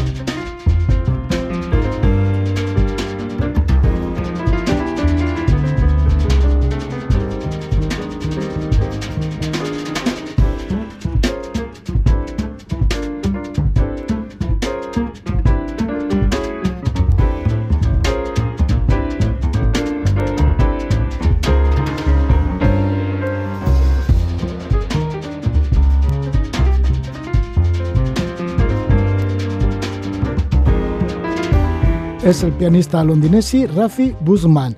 vamos a pasar las páginas de un bello libro que lleva el título de Atlas de Montañas Legendarias. Su autor es Alfredo Merino. Alfredo Merino, que es fotoperiodista, escritor, guía de alta montaña, ha publicado una docena de libros, entre ellos Everest, 50 años de escaladas, misterios y tragedias. También tiene el libro El Manual del Buen Excursionista o, entre otros, 100 clásicas de España, escaladas imprescindibles. Ha realizado Alfredo 20 expediciones a las cordilleras más elevadas y algunos de los lugares más remotos del planeta, ya pueda ser la Antártida o Alaska. Se publica este libro de tapa dura y gran formato, Atlas de Montañas Legendarias, en el que Alfredo Merino pues, describe y cuenta la historia de 35 montañas. Ha estado en todas ellas menos en 6. Por ejemplo, Alfredo ha estado cuatro veces en el Everest, ha ido como reportero y ha estado a 7.000 metros reportando desde el Everest. En el Mont Blanc una docena, algunas pues ha alcanzado la cumbre en solitario. Le damos la bienvenida a Alfredo Merino. Muy buenas noches, Alfredo. Buenas noches, Roger, y buenas noches también a esa legión de seguidores de tu magnífico programa. ¿Qué tal estamos? Pues muy bien, pues gracias por estar aquí en Levando Anclas. Alfredo, pues sí, que toda una vida viajando de un lugar a otro como guía de montaña y también como, como guía y como reportero, porque las salidas han sido innumerables las que has tenido. Sí, sí, llevo toda, bueno, es una gran afición que tengo la enorme fortuna de poder combinar mm, una quizá la afición favorita que tengo con mi modus vivendi, con mi trabajo. Entonces eso me, me da una, una gran alegría y me permite estar siempre haciendo lo que me gusta, con lo cual el trabajo, bueno, pues es muy llevadero. ¿Por qué agrupas en este libro o recopilas estas cumbres legendarias? ¿Tenías ganas de tenerlas todas en un mismo libro? las teníamos en la cabeza, todos los montañeros tenemos esas y otras muchísimas más. Es mi caso, muchas por haberles visitado, otras por haber conocido su, historia y su relación con, con, nuestra especie. Pero bueno, era una idea que tenía hace muchísimo tiempo. Eh, de plasmar en, en, un libro pues eh, algunas de las más de las que tenían una, unas leyendas, unas historias, una relación, ya digo, con nosotros, con nuestra especie más singular y trascendente. Sí, porque hay una unión entre las montañas y el ser humano, y sobre todo, fíjate, en los montañeros, la inspiración que tenéis con las montañas y la fuerza y la energía que ellas os brindan. Sí, realmente los montañeros en la historia de, de, nuestra especie, en la historia de la humanidad, somos el último colectivo en acercarnos a la montaña. Bueno, el penúltimo, ahora el último podemos decir que sean los deportistas que hacen carreras de montaña o carreras de ciclismo, pero en cualquier caso los últimos somos los montañeros. Antes, antes eh, la especie como tal, especie humana, los seres humanos, nos hemos acercado a las montañas eh, a pesar de ser un sitio que a lo largo de la historia nos ha dado bastante miedo y teníamos muy poco conocimiento del, del medio que, que era la alta montaña. Bueno, y así pues presentas estas montañas de los seis continentes, bueno, de los, bueno, aquí hay cinco, no, sí, seis continentes, porque incluyes la Antártida, que por cierto, la Antártida has estado, pero no has estado en la montaña que describes, que es el Monte Vinson, el más alto no, de este continente. No he estado, bueno, este, este libro pues es un recorrido por las cumbres más emblemáticas, como tú bien dices, de todos los continentes, y bueno, no quería, no quería dejar al margen eh, la Antártida, el llamado séptimo continente, y, e incluir, pues claro, allí hay muchísimas cordilleras, eh, bueno, es, una monta es un territorio muy amplio y bueno, por meter alguna metía la más conocida, aunque no lo es mucho para la gran opinión, para la gran gente, la mayoría, que es el monte Vinson, que es el monte más alto. El monte más alto en la Antártida tampoco es gran cosa porque son 4.892 metros, es decir, 85 metros tan solo más alto que el Mont Blanc, la cumbre de Europa Occidental. Y dices que ahí se concentran pues un montón de millonarios para ascender el Monte Vinson. Sí. sí, realmente, bueno, estos días me ando que ando hablando con la gente, como estoy haciéndolo ahora contigo, con vosotros, sobre, sobre este libro, me preguntan eh, si no tendría, bueno, qué montañas he estado, cuál no estoy, cuál no he ido, cuál, bueno, pues no he ido a algunas de ellas, no he ido a las más lejanas, no porque estén lejos, como tú bien dices, está la Antártida ya en varias ocasiones, pero sí, bueno, eh, las más lejanas son las que no he subido o ni tan siquiera he visto por razones estrictamente económicas. Eh, bueno, ir al Monte Vinson, como, como acabas de, de, señalar, es una aventura, entre comillas, no tiene dificultades técnicas y la única dificultad más notable es que tienes que tomar cuatro vuelos de ellos dos oceánicos, transoceánicos, para llegar hasta allí y gastarte mucho, mucho dinero. Esa es la aventura del Monte Vinson. Evidentemente, estás en la Antártida, estás en un sitio pristino, es un sitio mm, desolado, en un sitio salvaje, en un sitio único, no hay duda que sí. Pero bueno, yo la Antártida prefiero prefiero hacer una singladura por los canales de la península antártida, el canal de Gerlache me viene a la cabeza, por ejemplo, antes que, ir al Monte Vinson. Sí, dices en el libro que la lejanía del Vinson hace que su aspecto sea sobre todo un reto económico, antes que montañero, debido a su distancia que existe hasta el monte. Pero claro, tiene que costar bastante dinero también acercarse hasta allí, hasta el Monte Vinson. Bueno, sí, eh, ir a este tipo de montañas bueno, eh, La Palma se la lleva el Everest, que ya más adelante a lo mejor podemos comentarlo, pero bueno, subir al Vinson también tampoco es una cosa barata. Te puedes dejar en la aventurilla a lo mejor 40 o 50 mil euros, que no está mal para subir un monte. ¿En qué zonas de la Antártida has estado tú, Alfredo? Yo estaba en la península Antártida y luego en islas, en islas eh, limítrofes al continente, las islas antártidas que lo rodean.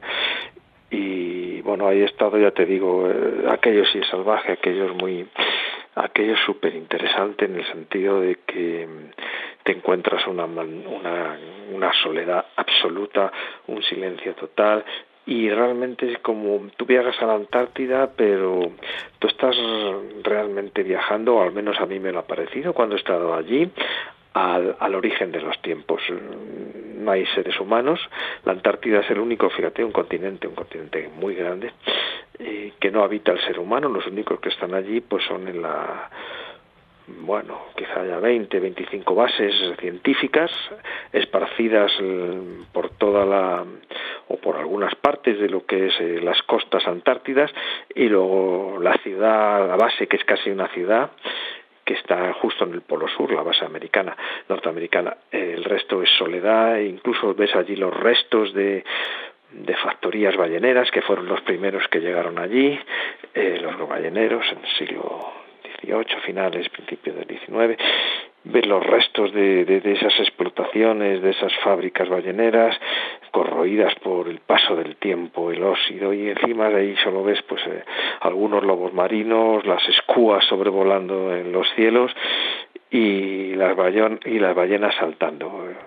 Esto en cuanto al sur del planeta, la Antártida, ¿no? Pero en América, por ejemplo, has estado en Denali. En la Ahí montaña... está, bueno, en Denali es otro. Sí, que es estamos otro hablando lugar. de Alaska. Sí, están justo en la otra punta, en América del Norte, en el, en el círculo Antártida, el círculo polar antártico, el polo sur.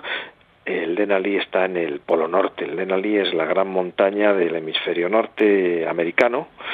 Es bueno en comparación con los con los gigantes del Himalaya, que son por encima de 8.000 metros, pues es más, es más bajo, no llega a los 7.000, se queda lindando a los 7.000, 6.959, 6.960 metros tiene esta montaña.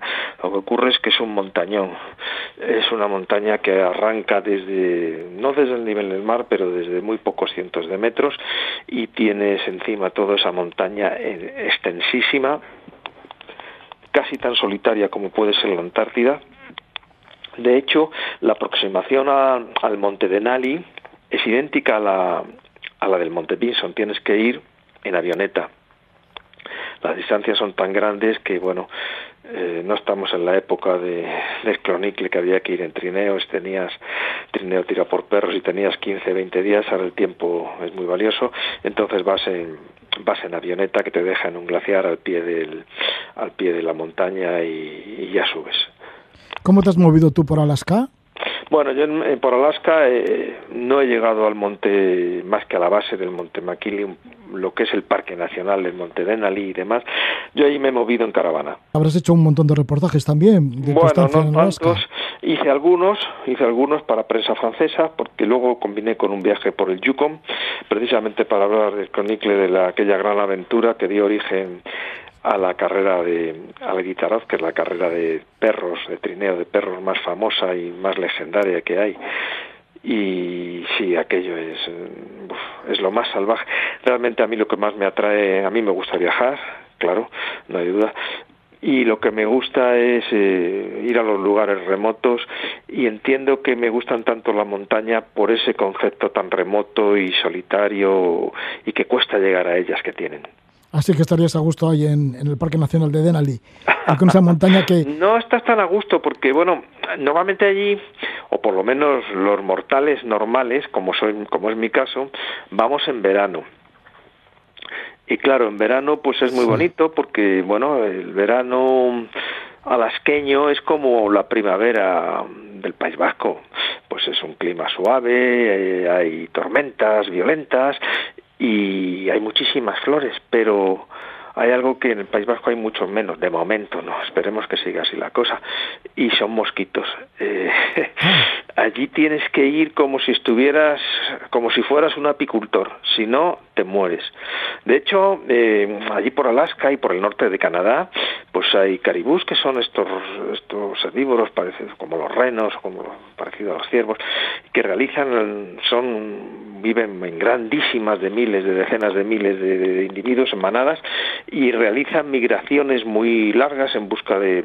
Y una de las razones que, siempre han aducido los científicos para iniciar esas migraciones es el acoso que le dan a estos pobres animales que no tienen mosquiteras que más que en busca de pasto o en busca de temperaturas, un clima más favorable, huyen de, del ataque de los dípteros, de estos mosquitos que realmente son casi, casi como como mariposas, grandísimos, grandísimos. De hecho, hay casos de, de caribús de estos que han muerto desangrados, no desangrados, pero sí sin sangre porque se le han chupado miles y miles de, de estos mosquitos, de estos insectos que se los comen, literalmente se los comen. Entonces tienes que ir con Alaska en verano, hay que ir con bueno, pues con una redecilla que te cubra toda la cabeza, con guantes y en fin, es bastante incómodo. Vamos a dejar Alaska y el Denali, que anteriormente se llamaba el McKinley, y nos acercamos al Ararat. Estamos con Alfredo Merino, autor de este libro, Atlas de Montañas Legendarias. Y si nos comentaba Alfredo que le gustan montañas eh, porque son lugares remotos, difíciles de subir, también le gustan las montañas que tienen simbolismo, que tienen leyendas, que tienen una parte mística que les une al hombre. Y como no, pues ahí entre otras aparece la montaña Ararat, una de sus montañas más queridas. ¿Por qué es una de tus montañas más queridas, el Ararat? Bueno, pues eh, Roger, la historia es que si hay que buscar una montaña que tenga en sus laderas, en su cumbre, en su historia, una relación mística con el hombre, eh, la primera, la campeona de todas, es el Ararat. Y eso que no es muy alta, mide 5.165 metros apenas, es decir, un poco más que el Mont Blanc, pero en cualquier caso las leyendas que atesora son gigantescas. Eh, la leyenda del diluvio universal y el barco del único hombre santo o que consigue salvarse junto con su familia y una pareja de animales se repite a lo largo de las culturas antiguas desde los desde las culturas sumerias por supuesto las, antiguas griegas e incluso fíjate eh, hay referencias muy muy similares en Egipto y en las culturas precolombinas. Por tanto la verdad si hay que hablar de leyenda eh, está en primer lugar. Alfredo, en el Ararat has estado en cuatro ocasiones y la primera vez estuviste a punto de subir, pero sacrificaste la ascensión a la cumbre para buscar el arca de Noé. ¿Eh?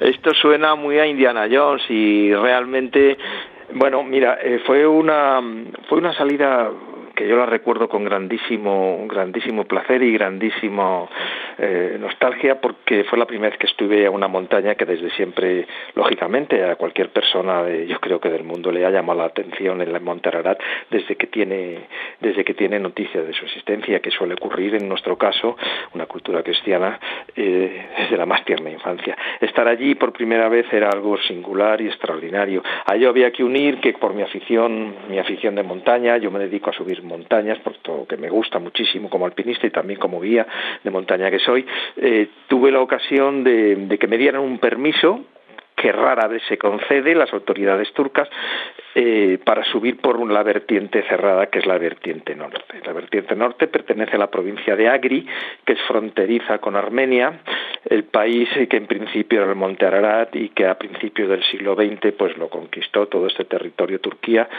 al tiempo que cometió un grandísimo genocidio con, con el pueblo armenio y allí se quedó. Los armenios se quedaron, sin embargo, con las ganas de, de, seguir poseyendo esta montaña mítica y sagrada, pero ellos son cristianos, y hasta el punto de que es el único país que tiene en sus símbolos y en su bandera un objeto, algo, un elemento que no pertenece a su territorio, que es el monte Ararat. En cualquier caso, allí subimos por la vertiente norte, abrimos un itinerario, ya te digo que era impensable, y en una etapa muy conflictiva, que estaba cerrado, puesto que a 16 kilómetros está la frontera de, Armenia y muy cerquita, un poquito más lejos, pero muy cerquita, estaba el conflicto de Nagorno-Karabaj, ahora mismo otra vez en bastante ebullición, eh, bueno, entre Azerbaiyán y Armenia, que es un territorio que reivindican los dos, los dos países, las dos naciones, y estábamos en la montaña y oíamos a lo lejos eh, pues el ruido de, de los bombardeos o de los morteros de lo que fuera y pequeños pequeños humos.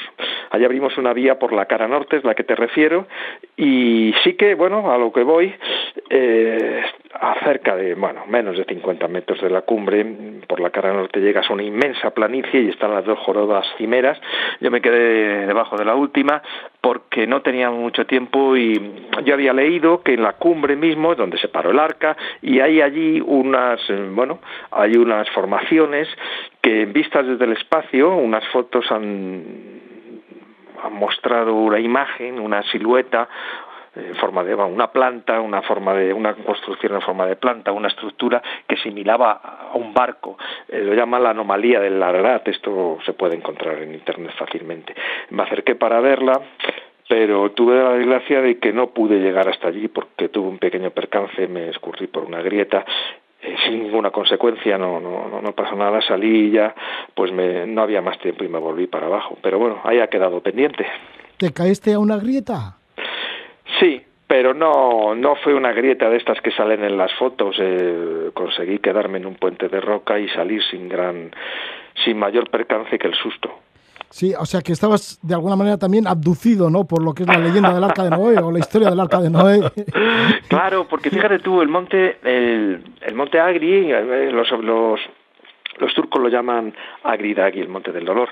Eh, eh, es un territorio que ha tenido erupciones volcánicas, que ha tenido terremotos y corrimientos de tierra, y los vestigios eh, de esta leyenda sacra, pues han quedado sepultados y una y otra vez los trozos de madera que se bajaron de la cumbre, los, en fin, distintas, distintas cosas, en los monasterios que, los cenobios que se construyeron en, en las faldas y al pie de la montaña. Entonces han quedado todos eh, abducidos por esta, por esta montaña singular que casi me aduce a mí. Bueno, no fue para tanto. Sí, bueno, y aparece en este libro de montañas legendarias el Ararat. Y otro de los que aparece, nos vamos a otro continente, nos vamos hacia América, hacia Sudamérica, el Licancabur, que es un volcán elegante, dices que es un volcán perfecto, está entre Chile y Bolivia. Y mm, ahí está, entre el desierto de Atacama y el Salar de Uyuni. Y titulas este capítulo Licancabur, del desierto a las estrellas. Pues mira, este título yo he querido reflejar lo que entiendo que es el Licancabur. Licancabur, pues es, como tú bien dices, es una montaña perfecta. Tú a cualquier niño, a cualquier persona le haces, a ver, dibújame esquemáticamente una montaña y te va a pintar el Licancabur. Un triángulo perfecto con el ángulo más afilado mirando hacia, hacia arriba, hacia, hacia el cielo.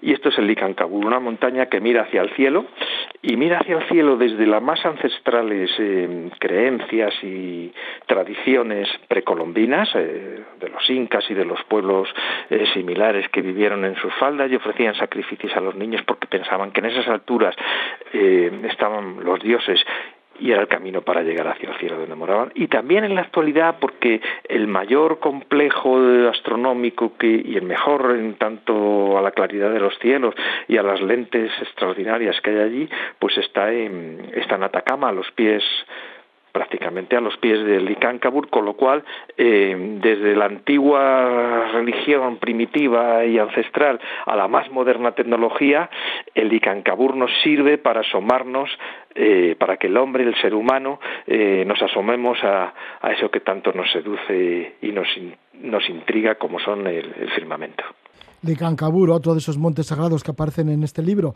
Mm, pero aquí sacrificaban niños, ¿no? En, los rituales incas. ¿Se nota pues todavía, hay huella de estos eh, rituales?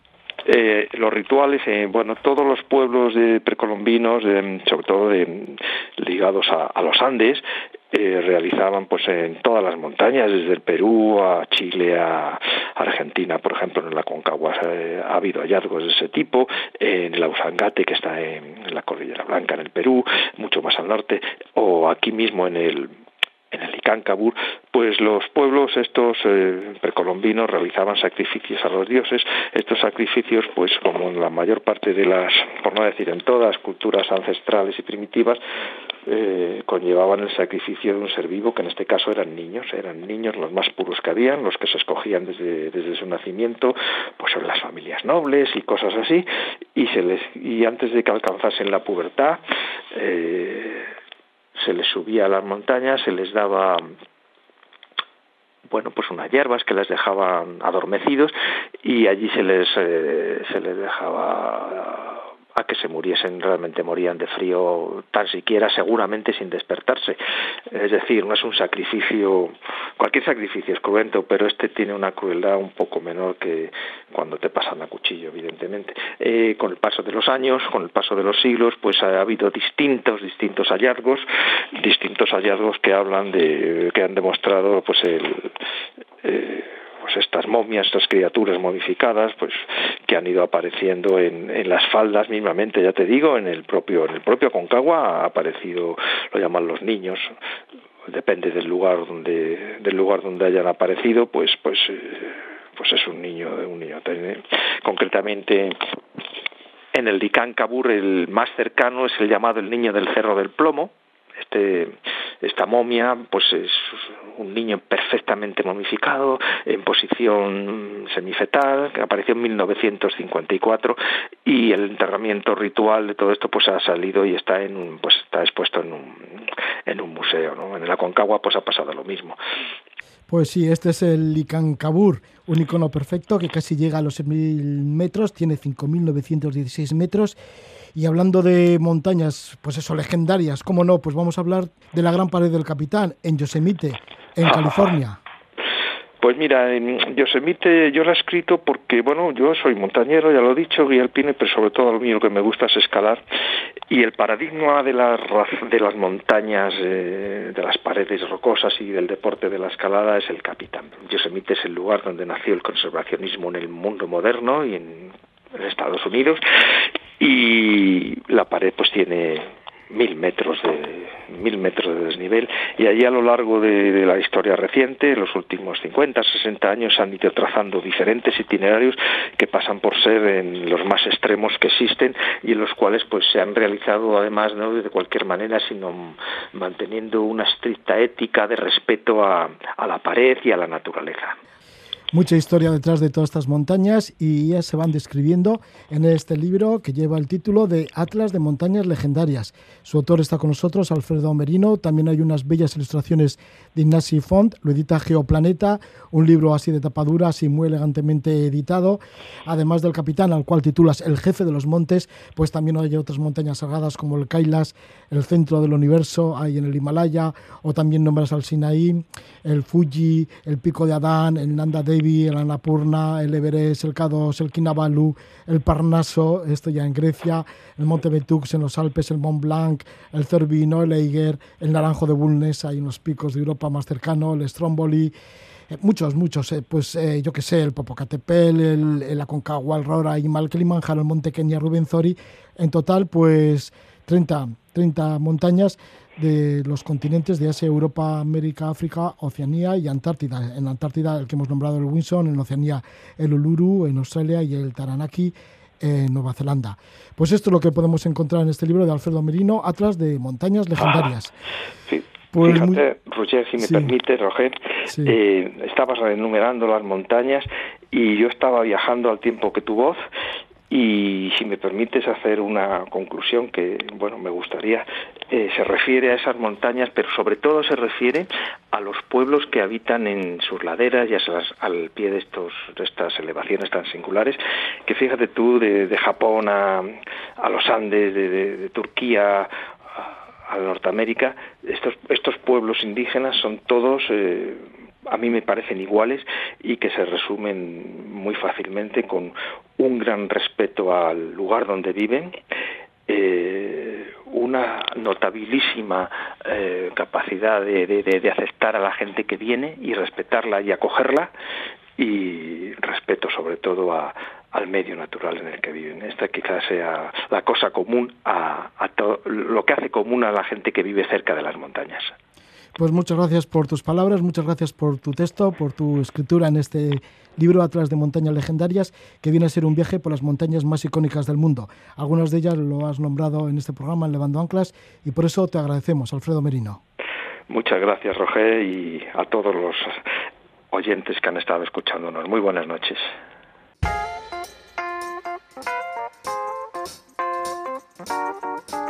Es tan abundante la documentación recogida por Alfredo Merino que le esperamos en otro programa de Levando Anclas para continuar con más montañas legendarias. Ponemos punto final al programa y lo hacemos con el grupo vizcaíno de blues y rhythm blues Traveling Brothers con el tema Wonderland. Que tengáis dulces sueños.